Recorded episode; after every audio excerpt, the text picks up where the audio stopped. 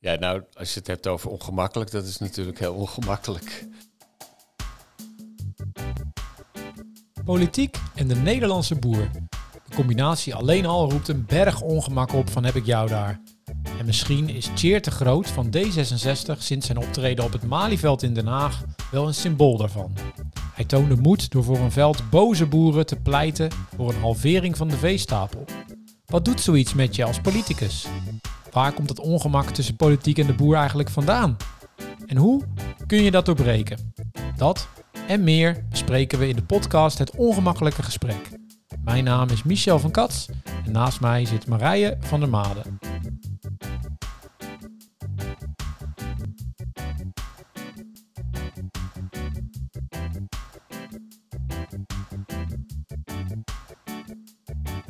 Nu ben ik gewoon heel benieuwd, wat doet dat met jou als je voor zo'n vol Malieveld wordt uitgefloten? Ja, nou, als je het hebt over ongemakkelijk, dat is natuurlijk heel ongemakkelijk. Um, het liefst heel veel tijd om uh, uit te leggen uh, wat eigenlijk achter die halvering zit. Want daar zat natuurlijk een heel plan achter. Ja. Um, maar ja, de kortste versie is inderdaad uh, die halvering. En, maar het gaat met boeren gaat het niet goed, het gaat met de natuur gaat het niet goed. zelfs zodanig dat een rechter heeft gezegd van nou ja, we mogen niks meer bouwen in Nederland. Dus een heel land staat op slot ja, dan heb je als politiek de taak om te zeggen, jongens, het kan zo niet langer. We moeten echt iets anders gaan doen. Dat is de taak van de politiek, zeker van middenpartijen. Als je dat nalaat, ja, dan geef je ruimte aan de flanken. Dus eigenlijk als je nalaat te lang de problematiek van de veehouderij te benoemen, ja, dan creëer je dus eigenlijk aan de ene kant een partij voor de dieren en aan de andere kant een boer-burgerbeweging. Mhm. Simpelweg omdat middenpartijen uh, ja, het te ongemakkelijk vonden. Ja, precies. Maar um, wat uh, nog heel even over dus dat moment op het Malieveld. Had je verwacht dat je heftige reacties zou krijgen? En zo ja, wat, bes wat, meet je, wat deed je besluiten toch te doen? Nou, ik vind als je uh, zo'n interview gaf. Hè, dat was naar aanleiding van een interview dat ik in het Algemeen Dagblad had uh, gegeven. Wat overigens best genuanceerd was, maar zoals dat gaat, was de kop. Uh, ja. Worden quotes uit chocoladeletters. Ja. andere politici maken daarvan. Hè, bijvoorbeeld de ChristenUnie zei D66 wil de boeren halveren. Was natuurlijk niet zo. Ja. Dus dat wordt ook nog een beetje opgeklopt. en dan sta je daar en dat wil je het liefst gewoon dat uitleggen. Um, maar ik vind het ook mijn taak, taak van de politiek, als, als je een standpunt inneemt, dat je ook bereid bent om daarover in gesprek te gaan. Um, en dat doe ik. Dat is natuurlijk een heel groot uh, publiek, zal ik maar zeggen. Um, en dan is een gesprek wel heel erg lastig. Maar ik sta ook voor uh, zalen, voor, voor boeren. En dat begint soms ook wat ongemakkelijk. Maar na een tijdje, ja, dan zeg ik ook van... jongens en meisjes, jullie weten toch dat het niet zo langer kan. Dat er mhm. iets moet gebeuren. Ja. En dan valt er altijd wel een stilte. En dan zegt er altijd wel iemand, ja, nou ja, zeg het dan maar. Geef die duidelijkheid dan maar. Ja. En ik vind dat is de taak van de politiek. En daarom sta ik daar van, ja, jongens, ik ben bereid om uh, met jullie in gesprek te gaan hierover. Wat, hoe, hoe zorg je ervoor dat je het niet persoonlijk neemt? De kritiek en de. Nou, ik voel heel veel compassie voor boeren. En um, uh, mijn, kom uit een, familie in ieder geval. Mijn opa was tuinder en mijn oom, dus de broer van mijn moeder, had de tuinderij overgenomen. En dat ging in de jaren 70, begin jaren 80 ging dat uh, niet goed in verband met de hoge gasprijzen die er toen waren. Dus dat bedrijf, ja, dat uh, kon niet blijven voortbestaan. En dat, dat hakte heel erg in in de familie. Dus ik weet, uh, ik weet wat het is om als het water je na aan de lippen staat. Dus ik heb een groot hart voor, voor boeren, maar niet uh, en dat uit ik niet door ze naar de mond te praten, maar door te zeggen, nou, volgens mij moeten we dit gaan doen. Maar ik ben van harte bereid om daarover in gesprek te gaan. Ja, want het huidige systeem werkt voor niemand niet. Nee, notabene was dat uh, ook de, een van de eerste zinnen van de notitie die Carola Schouten, de minister van Landbouw, had geschreven namens het hele kabinet, dus ook namens VVD, CDA en ChristenUnie, dat het huidige systeem niet meer houdbaar is. Ja, ja dan zul je toch ook uh, stappen moeten nemen om te, nou, om te laten zien waar we dan wel heen gaan. Ja. Dus echt, uh, dan zoek je dus eigenlijk eerst naar wat, wat hebben we gemeen, waar kunnen we ons in vinden. En dan naar de oplossingen. Naar de oplossingen, zeker. En, en eh, nou ja, het vorige kabinet was al van mening dat het huidige systeem niet meer houdbaar is. Eh, als D66 hebben we ook een oplossing aangedragen voor een manier van voedsel produceren die goed is voor de boer en goed is voor de aarde. Hè. Dat is kringlooplandbouw. Dat is een beetje ingewikkeld. Ik weet niet Mm. of ik dat vandaag eh, kan uitleggen. Ehm, maar ehm, dat was wel de kern van het beleid. Dat is het nog steeds. Maar dat betekent wel dat je als minister van dag tot dag over een periode van 10, 15 jaar beslissingen moet nemen die soms ook pijn doen. Ja. Nou, en daar ging een beetje de discussie over, want dat eh, ontbrak er naar mijn idee aan. Ja. Ja, ik ga toch nog, nog even dieper. Want ik ben toch ook heel erg benieuwd wat dan jouw familie, ehm, hoe die daar eigenlijk mee omgaat. Zeker Met- omdat je aangaf van ik kom uit een, hè, kom Ja. uit een eh, familie met opgegroeid eh, tuinderij in je familie, eh, dat soort zaken. En dan, hè, dan hoor je hele, nee, je ziet de, de beelden van boze boeren die staan te schelden. Eh, ik begreep dat er ook misschien wel eens doodsbedreigingen en dergelijke, dat soort dingen komen er zelfs aan te pas. W- Wat doet dat met jou persoonlijk en dan met je familie? Hoe ga je daarmee om? Nou, kijk, ehm, ik, ben zelf wel opgegroeid in de stad, dus, dus wat dat betreft. En, en ehm, eh, ja, kijk, dat heeft ook twee kanten. De, de, mijn oom, eh, oom hè, die is die, eh, die van de tuinderij, die is onlangs overleden. Ehm, maar die ging ook altijd met tante Klaasje, die nog leeft, gingen ze, eh, ze waren vogelaars. Dus ze gingen met hun eh, autootje gingen ze dan eh, op pad. En ze hielden over de jaren hielden ze boekjes bij met wat voor vogels ze allemaal zagen. En eigenlijk werden, zagen zij, dus met de liefde voor ook de natuur, dat ja, de weidevogels in Friesland steeds, steeds meer afnamen. Er kwamen gewoon steeds minder vogels. Dus eigenlijk werd het ook steeds stiller ehm, op het platteland. Dus daar zie je dat die liefde voor de natuur, maar ook eh, ja, het warme hart voor eh, de land- en tuinbouw, dat zit in mijn familie. Ehm, maar ja, dus, dus daar was ook alle steun voor, ook van mijn vader, om, om daar eh, nou, om, di- om dit te doen. Ja, Want mijn vader inmiddels leeft ook niet meer, is in 2019 overleden, maar die zag ook vanuit eh, zijn huis in Akkerum hoe eigenlijk ja, de trekkers steeds groter werden. Eh, hij, ehm, hij, hij- hij fietste graag. Eh, ik ging ook nog eens een keer met hem fietsen bij de Delen boven Heerenveen. Ja, en dan zag je rechts zag je een natuurgebied.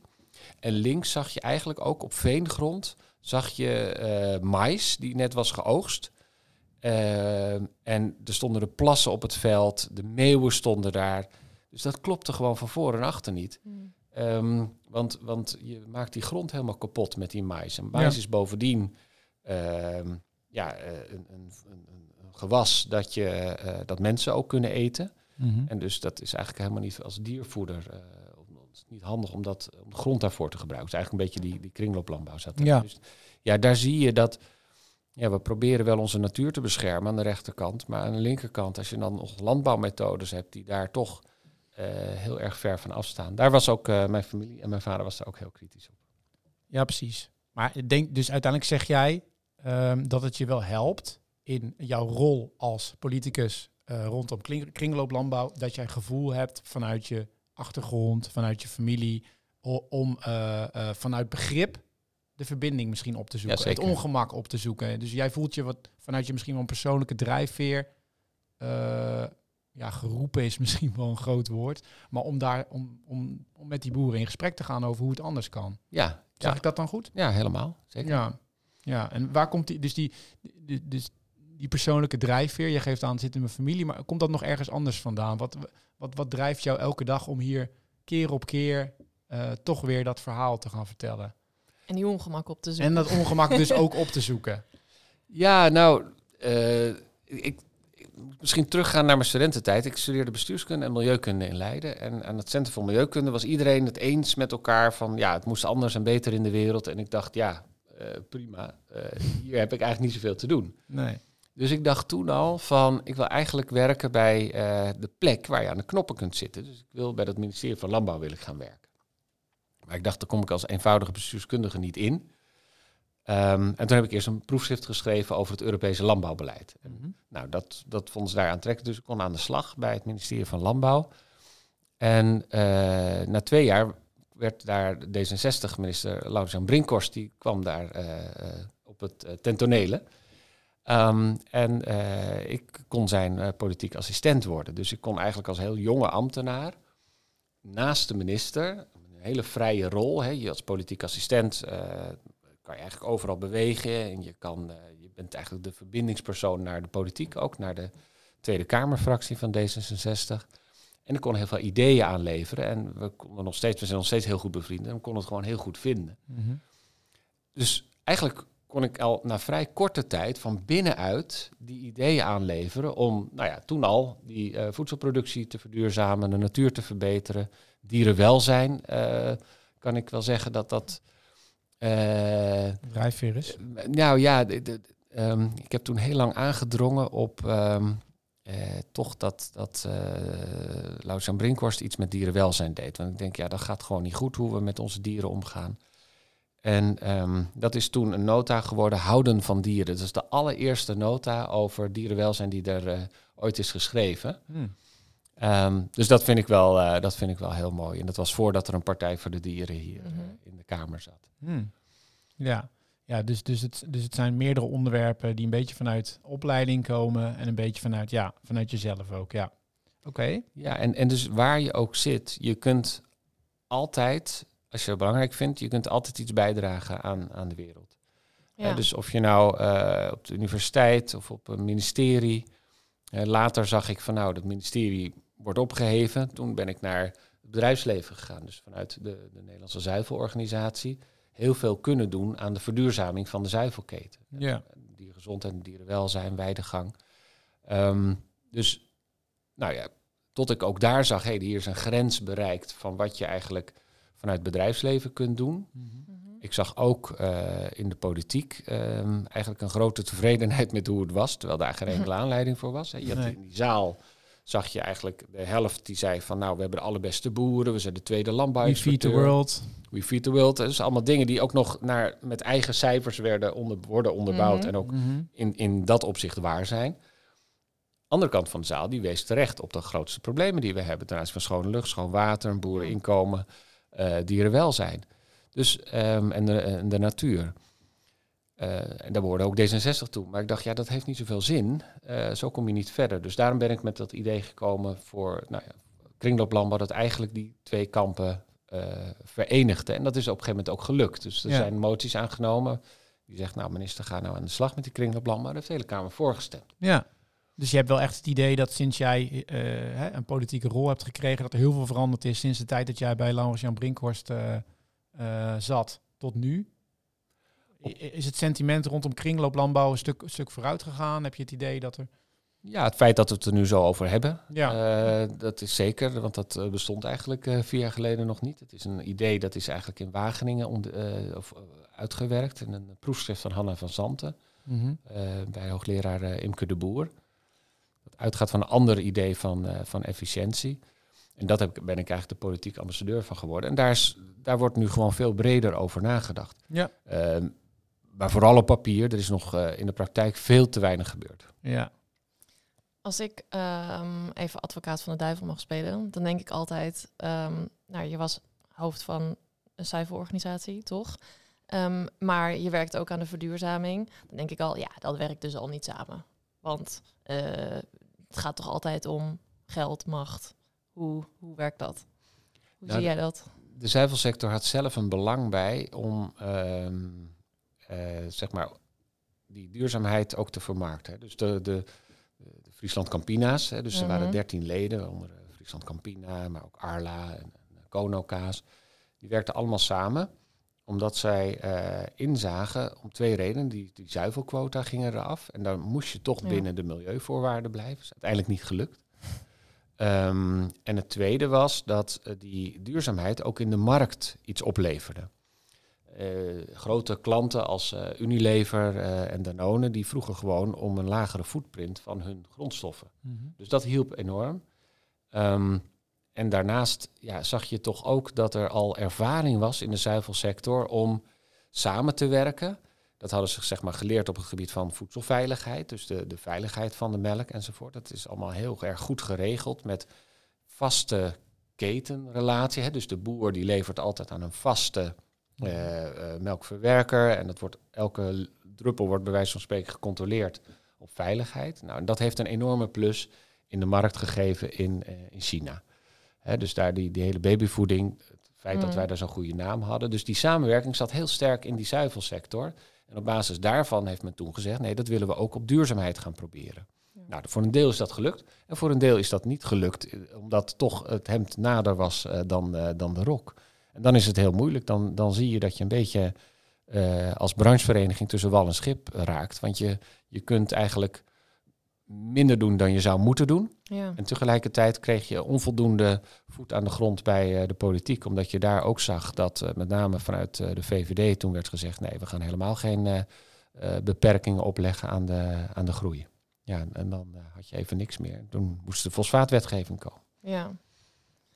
Ehm, je zei net al even van iedereen eh, heeft een rol en iedereen kan iets doen.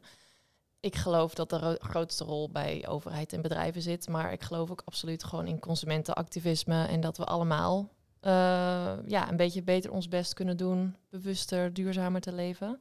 Hoe zie jij eh, de rol van consumenten daarin? Nou, ik denk heel, eh, inderdaad heel belangrijk. En ook wat jij doet door te laten zien, door het voor te leven, dat is, eh, dat is heel belangrijk. Ehm, ehm, die bewustwording van, eh, ja, moet je nu wel met de auto, kun je niet gewoon ook met de trein of gewoon pak de fiets. Mm.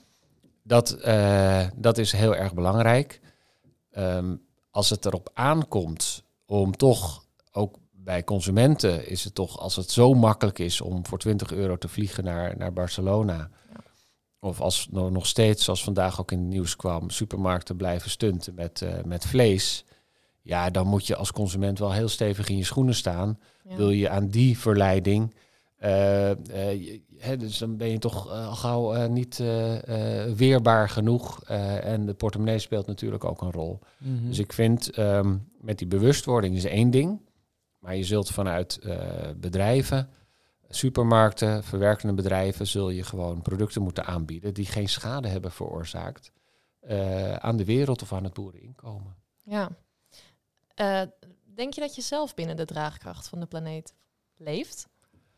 Ehm, nou, ik ben natuurlijk hier in een westerse wereld waar je natuurlijk in grote luxe leeft. Mhm. Ehm, maar ik vlieg eigenlijk nauwelijks. Eigenlijk niet. De laatste jaren.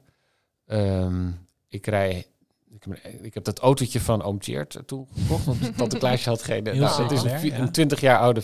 Fiat 600. Het is geen elektrische auto, maar ik rijd er heel weinig mee. Ehm, en ik, ik, ja, ik eet geen vlees, dus ik probeer zelf wel eh, gewoon duurzaam te leven. Ehm, maar goed, ja, dat is natuurlijk wel naar, naar de Nederlandse maatstaven. En Zo dat is duurzaam nog mogelijk. zo duurzaam mogelijk. Dus dat is nog steeds best wel eh, eh, ja, eh, verspillend als, je- als je kijkt naar hoe de gemiddelde Nederlander leeft. En als je, als je dit vertelt in het, eh, aan collega's in de Tweede Kamer, ben je dan een uitzondering of heb je het gevoel dat... Ik ben gewoon even benieuwd. Nou, dat, dat is ook wel een beetje ideologisch bepaald. Hè? Dus je Hmm. ziet, ik, ik zie bij de D66-fractie heel veel mensen die eigenlijk heel weinig vlees eten. Dus we zijn niet, ik ben ook niet tegen vlees eten. Moet iedereen lekker voor zichzelf eh, bepalen. Ehm, dus bij mij was het ook echt, echt de reden om te zeggen, nou weet je, die, elke keer die misstanden in, in de bio-industrie, dat kan ik voor mezelf niet meer eh, eh, verkopen. Maar je ziet, je ziet nou, dat verschilt een beetje naar leeftijd. Jonge mensen vinden het toch iets duurzamer dan, eh, dan de ouderen. Hoewel ze dan ook wel weer veel reizen. Het is, het is echt Ja, ja. moeilijk. Ja. Maar je ziet in de Kamer denk ik wel eh, eh, die maatschappelijke trend ook terug. Bijvoorbeeld in het restaurant van de Kamer wordt nu standaard ook vegetarisch aangeboden. Hm. En het is hartstikke lekker. Ja. En een paar jaar geleden was dat toch nog echt wel een stuk minder. ja. Kijken jullie elkaar daarop aan? Is daar nog ongemak, zeg maar? Als mensen wel vlees eten of, of onduurzame, tussen aanhalingstekens, keuzes maken? Nee, nee. Dus Nee? Ik, ik ben ook niet zo van het vingertje. eh, Nee, ik dat, ook dat, niet, dat- maar- Dat, moet iedereen lekker eh, Ja. zelf weten. Maar eh, je hebt het er wel over waarom je zelf die keuzes maakt. En Ja. dat, dat kan anderen natuurlijk wel weer inspireren. Precies, that's the Ja. only way. Ja. Hey, ehm, ik wil eigenlijk nog even een klein beetje terug naar de, naar de boeren. Het is toch een beetje een ding wat hier eh, de hele tijd tussendoor komt. Ik ben, ehm, eh, ik spreek, de afgelopen tijd heb ik een aantal boeren gesproken voor een ander eh, project waar ik bij MVO Nederland mee bezig ben. Gewoon eens om te vragen van hoe sta je er nou in? Hè? Biologische landbouw, overstap. En wat dan elke keer terugkomt, en dat, ik ben gewoon benieuwd o- of jij, of jij dat herkent, is van, ehm, ja, we werken keihard. We doen alles al jarenlang eh, zoals de overheid dat ons oplegt. Alleen wat we missen, en dat is wat ze steeds is, een, is een lange termijn visie. Zij hebben het idee dat ze elke, dat zal je waarschijnlijk, ik zie je al knikken, dus ik denk dat je het herkent. Elke eh, drie, vier jaar zijn er weer andere regeltjes waaraan ze moeten voldoen. Eh, en als ik dat aanhoor, dan begrijp ik dat ook. Dan kan ik helemaal voelen dat zij denken van ja, hallo, ik heb net geïnvesteerd. Er staat een hele meststal, een hele stal dankzij, omdat het moet. En dan vervolgens vijf jaar later moet ik hem weer afbreken. Hoe, hoe, hoe, ga, je, hoe ga je daarmee om? Nou, dat is precies de aanleiding dat ik ook heb gezegd. Dat is eigenlijk wel de aanleiding dat ik ook de Kamer ben ingegaan. Ja. Want je ziet eh, inderdaad elke vier jaar een andere thematiek. Dus toen ik eh, eh, aan het eind van de periode in Zuivel, dan moesten fosfaatrechten komen. Mhm. Eh, vier jaar later hebben we het over stikstof. Ja. Ehm, ik waarschuw nu al voor het feit dat we de doelen van de kaderrichtlijn water in 2027 niet gaan halen. En dan eh, hebben we het ook nog over eh, klimaatafspraken, die tot nu toe eh, landbouw niet zo raken, maar worden, de afspraken die er zijn gemaakt worden ook onvoldoende uitgevoerd. Mhm. Dus dat komt een keer terug. Ehm, en een problematiek die wel eens wordt vergeten is nog de fijnstofproblematiek. Ja. Nou, kortom, je noemt hier al, al vijf, zo vijf voorbeelden. Vijf voorbeelden die elke vier jaar eigenlijk een nieuw thema worden, omdat we dan toch uiteindelijk tegen die harde Brusselse grenzen aanlopen. ja. En ehm, dan eh, gaat de politiek altijd te laat ingrijpen. En ehm, omdat eh, ja, je dan zo met de rug tegen een muur staat, moet je dan ook heel erg hard ingrijpen met middelvoorschriften. Dus je moet precies gaan voorschrijven wat die boeren gaan doen. Ja. En we hebben actueel de discussie over het zevende actieprogramma nitraatrichtlijn. Dus dat gaat over de, eh, ons grondwater, nitraat Mhm. in ons grondwater. Dus elke vier jaar komt er een eh, actieprogramma om te voldoen aan die normen, waar we dus nog steeds niet na zeven keer vier jaar aan voldoen. Nee. Eh, en dat is omdat we meer mest mogen uitrijden in Nederland dan in Europa gemiddeld. Dus je ziet al die problematiek, die wordt heel gefragmenteerd behandeld. Die wordt behandeld met voorschriften die eh, ja, boeren dwingen om een bepaalde landbouwmethode eh, heel rigide eh, toe te passen. Ze tellen bij elkaar op, maar spreken elkaar ook tegen. Dus ja, zo'n boer wordt helemaal gek van Ja. al die regels. Ja, dus, het zit, dus de boeren zitten vol wantrouwen, had ik het. Ja. Wantrouwen. Dan komen ze weer met een regeltje. Ja. Dan komen ze weer. Moeten we weer dit doen? Ja. Ja. Hoe, maar hoe, hoe doorbreek je dat dan? Want door, door, door heel hard, eh, hard met compassie wel eh, de, de, de, de, luchtballon, die heel hard op is gepompt, eh, de, de Nederlandse landbouw heet, waar we alles tot aan de max hebben gemaximaliseerd op intensiteit. Mhm. Je moet veel minder, dus moet je echt leeg laten lopen. Echt, eh, nou, het aantal dieren bijvoorbeeld, eh, als je die heel erg sterk terugbrengt, heb je ook geen mestoverschot meer. nee. En een, een, een varkenshouder is 60.000 euro kwijt aan de afzet van zijn mest. Ja. Nou, geen wonder dat je daar wel eens fraude hoort. Nee. Mm. Ehm, dus op het moment dat het aantal dieren, dat je niet meer dieren houdt als dat je mest nodig hebt voor je plantaardige productie, dat is eigenlijk de kern van die kringlooplandbouw, Ja. ja, dan heb je een evenwicht. En dan kun je dus ook boeren veel meer weer vrijlaten in de manier waarop zij eh, hun bedrijfsvoering hebben. Ja. Maar dan hoor ik een boer eigenlijk al zeggen... Ja, maar dan moet ik wel eh, eh, meer geld krijgen. Of in ieder geval... Exact. Ja, als ik dat niet krijg... Want de boer is uiteindelijk gewoon een aannemer... van alle mensen die op zijn erf komen. Even zeg ik altijd maar. En er komen, er komen coöperaties, er komt die organisatie. Allemaal, die zitten allemaal in een systeem van meer, meer, meer. Voor minder, minder, minder eigenlijk. Dus, de, dus die voelen waarschijnlijk een soort druk op hun keel van ja, eh, waar moet ik dit van gaan betalen? Een, een melkveehouder krijgt eh, nu ongeveer 30 eh, cent per liter melk en 30, 40 jaar geleden ook. Ja, Precies wat je zegt. Een varkenshouder krijgt 10% van de opbrengst van een varken.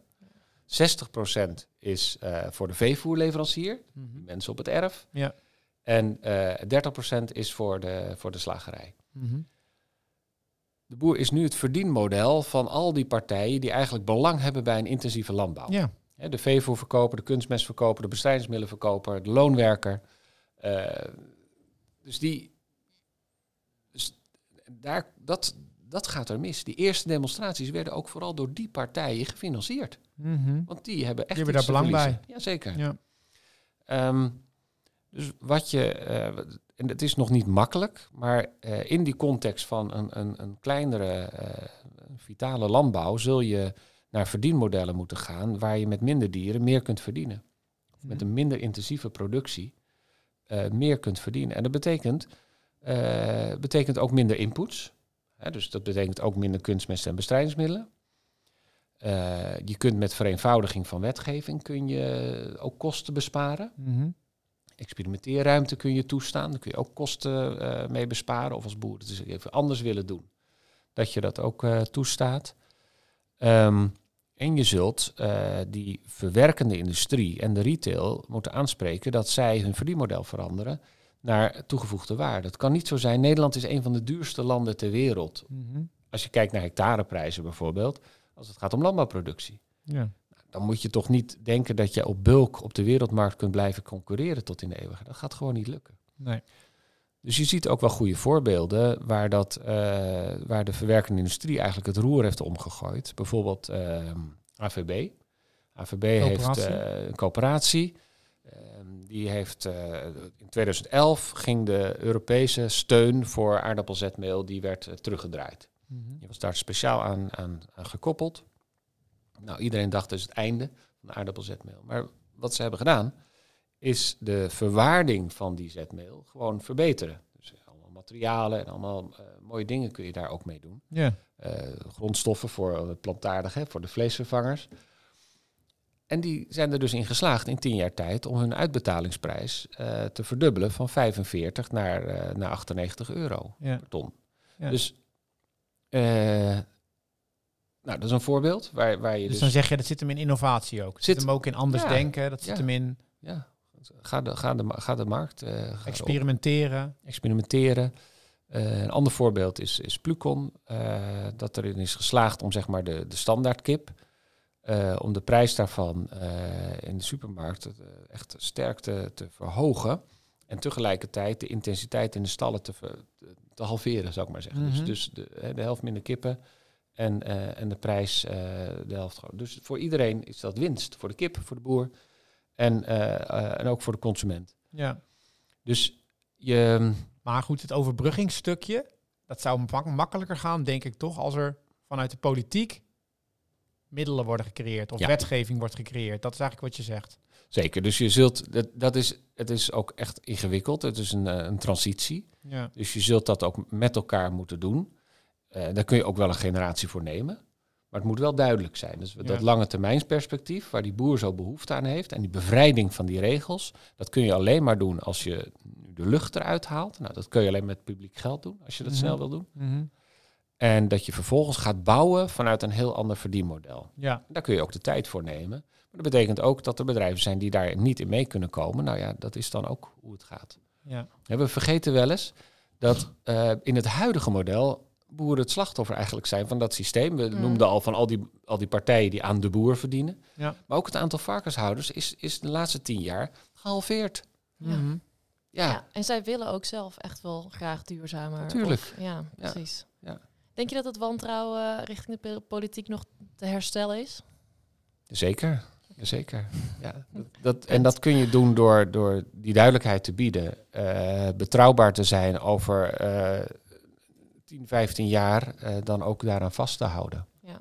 Dat is. eh, Moet er dan niet gewoon een minister komen die hierop zit, die misschien ook wel voor 10, 15 jaar die rol pakt? Ja, zo- dat zou natuurlijk prachtig zijn, maar in ons eh, systeem eh, hebben we elke vier jaar eh, max hebben we verkiezingen. Maar, Ja. dat zou natuurlijk wel heel mooi zijn als politieke partijen zich dit ook aantrekken en zeggen van we gaan nu eh, dit wel eh, volhouden. Ook, Ja. ook al is het af en toe dan ongemakkelijk. Want het is ongemakkelijk om in te grijpen in de veestapel. Het is ongemakkelijk om te zeggen, ja, die intensiteit van de productie, ook in de akkerbouw, ja, dat gaan we niet meer eh, vol kunnen houden. Gelet op nou, de kwaliteit van ons grondwater en, eh, en, eh, en de natuur. Nee. Nee, dus we moeten door. We hebben eigenlijk ook geen, geen tijd te verliezen.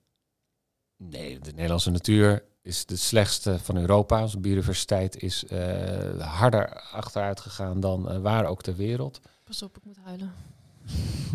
Ik zal stoppen. Geen onheil. De, de grote vraag, denk ik, die hier nog een klein beetje boven hangt, dat is misschien ook wel een mooie afsluiter. Ik ben wel benieuwd naar eh, hoe je daarnaar kijkt. Is natuurlijk in theorie, hè, eh, ik krijg heel erg het gevoel, het kan en het moet en we moeten elkaar opzoeken en we moeten door het ongemak. Maar we zitten nog steeds wel in een politiek, wat jij zelf zegt, waar het ook steeds meer gaat, hoor je dan, over beeldvorming. Eh, hè, durf jij wel echt die ingrepen te nemen die nodig zijn en daarmee misschien een aantal kiezers te verliezen? Of een aantal, misschien wel heel veel kiezers van je te vervreemden. Wie gaat, wie gaat die handschoen oppakken? Wie gaat er nou eens door dat ongemak heen en wie gaat er nou eens ja, een, een beslissing durven nemen, los van wat dat dan echt betekent voor zijn of haar verkiezing, verkiezingsuitslag? Nou ja, ik zou het willen omdraaien. Er zijn natuurlijk partijen die, eh, doordat ze toch te lang hebben gewacht met eh, dit te doen, wat, wat jij beschrijft. ehm, eh, de kiezer is ook niet gek. Die ziet ook dat er dat pap en nat houden, daar, daar is de kiezer op een gegeven moment ook klaar mee. Hm. Dus ik denk dat je die kiezer juist kunt terugwinnen door precies te doen wat jij zegt. En daar heel open over te zijn van jongens, dit is misschien heel erg eh, vervelend wat we gaan doen, maar we gaan het samen doen. We gaan het met een warm hart doen en we gaan het met eh, stapsgewijs doen. En in het verleden ging dat ook. Hè? Dus, dus ik, ik noem maar, eh, los van wat je daar nou van vindt, maar een, een, een premier Lubbers die heeft ook in de jaren zeer impopulaire maatregelen genomen ehm, over een periode. Maar ja, dus er zijn vaker periodes geweest in de Nederlandse geschiedenis dat, dat er toch eh, ingrijpend werd eh, hervormd. En, Ja. eh, we kunnen het wel. Ja. Maar na, ik denk na toch misschien wel de moord op Fortuin is het heel erg moeilijk geworden of zijn partijen bij daarvoor gaan terugdeinzen. Want sindsdien is er eigenlijk niets meer gebeurd, moet je toch met enige droevenis constateren. Ja. Wat een mooie afsluiting. Ja, Ja. we zouden positief eindigen. Ja. Nou Kunnen ja, we dit opnieuw doen? nou, allerlaatste vraag. Ja. Ehm, vond je dit een ongemakkelijk gesprek? Ik vond het een heel fijn gesprek. En eh, ik vind dat het eh, heel leuk is eh, hoe jullie dit, eh, nou ja, dit thema eh, bespreekbaar maken. En eh, dank voor jullie mooie vragen. Nou, ja, da- ook heel erg dank, bedankt. Ja. ja, dank voor je tijd, Cheert. En, eh, en nou, succes de komende, komende maanden. Graag gedaan. Thanks voor het luisteren naar het Ongemakkelijke Gesprek. Podcast van MVO Nederland. Meer ongemakkelijke gesprekken? Volg MVO Nederland in je favoriete podcast-app. Op NE22, het grootste zakelijke duurzaamheidsfestival van het jaar, breng je zelf een ode aan het ongemak. Tickets zijn nu beschikbaar op www.ne22.nl.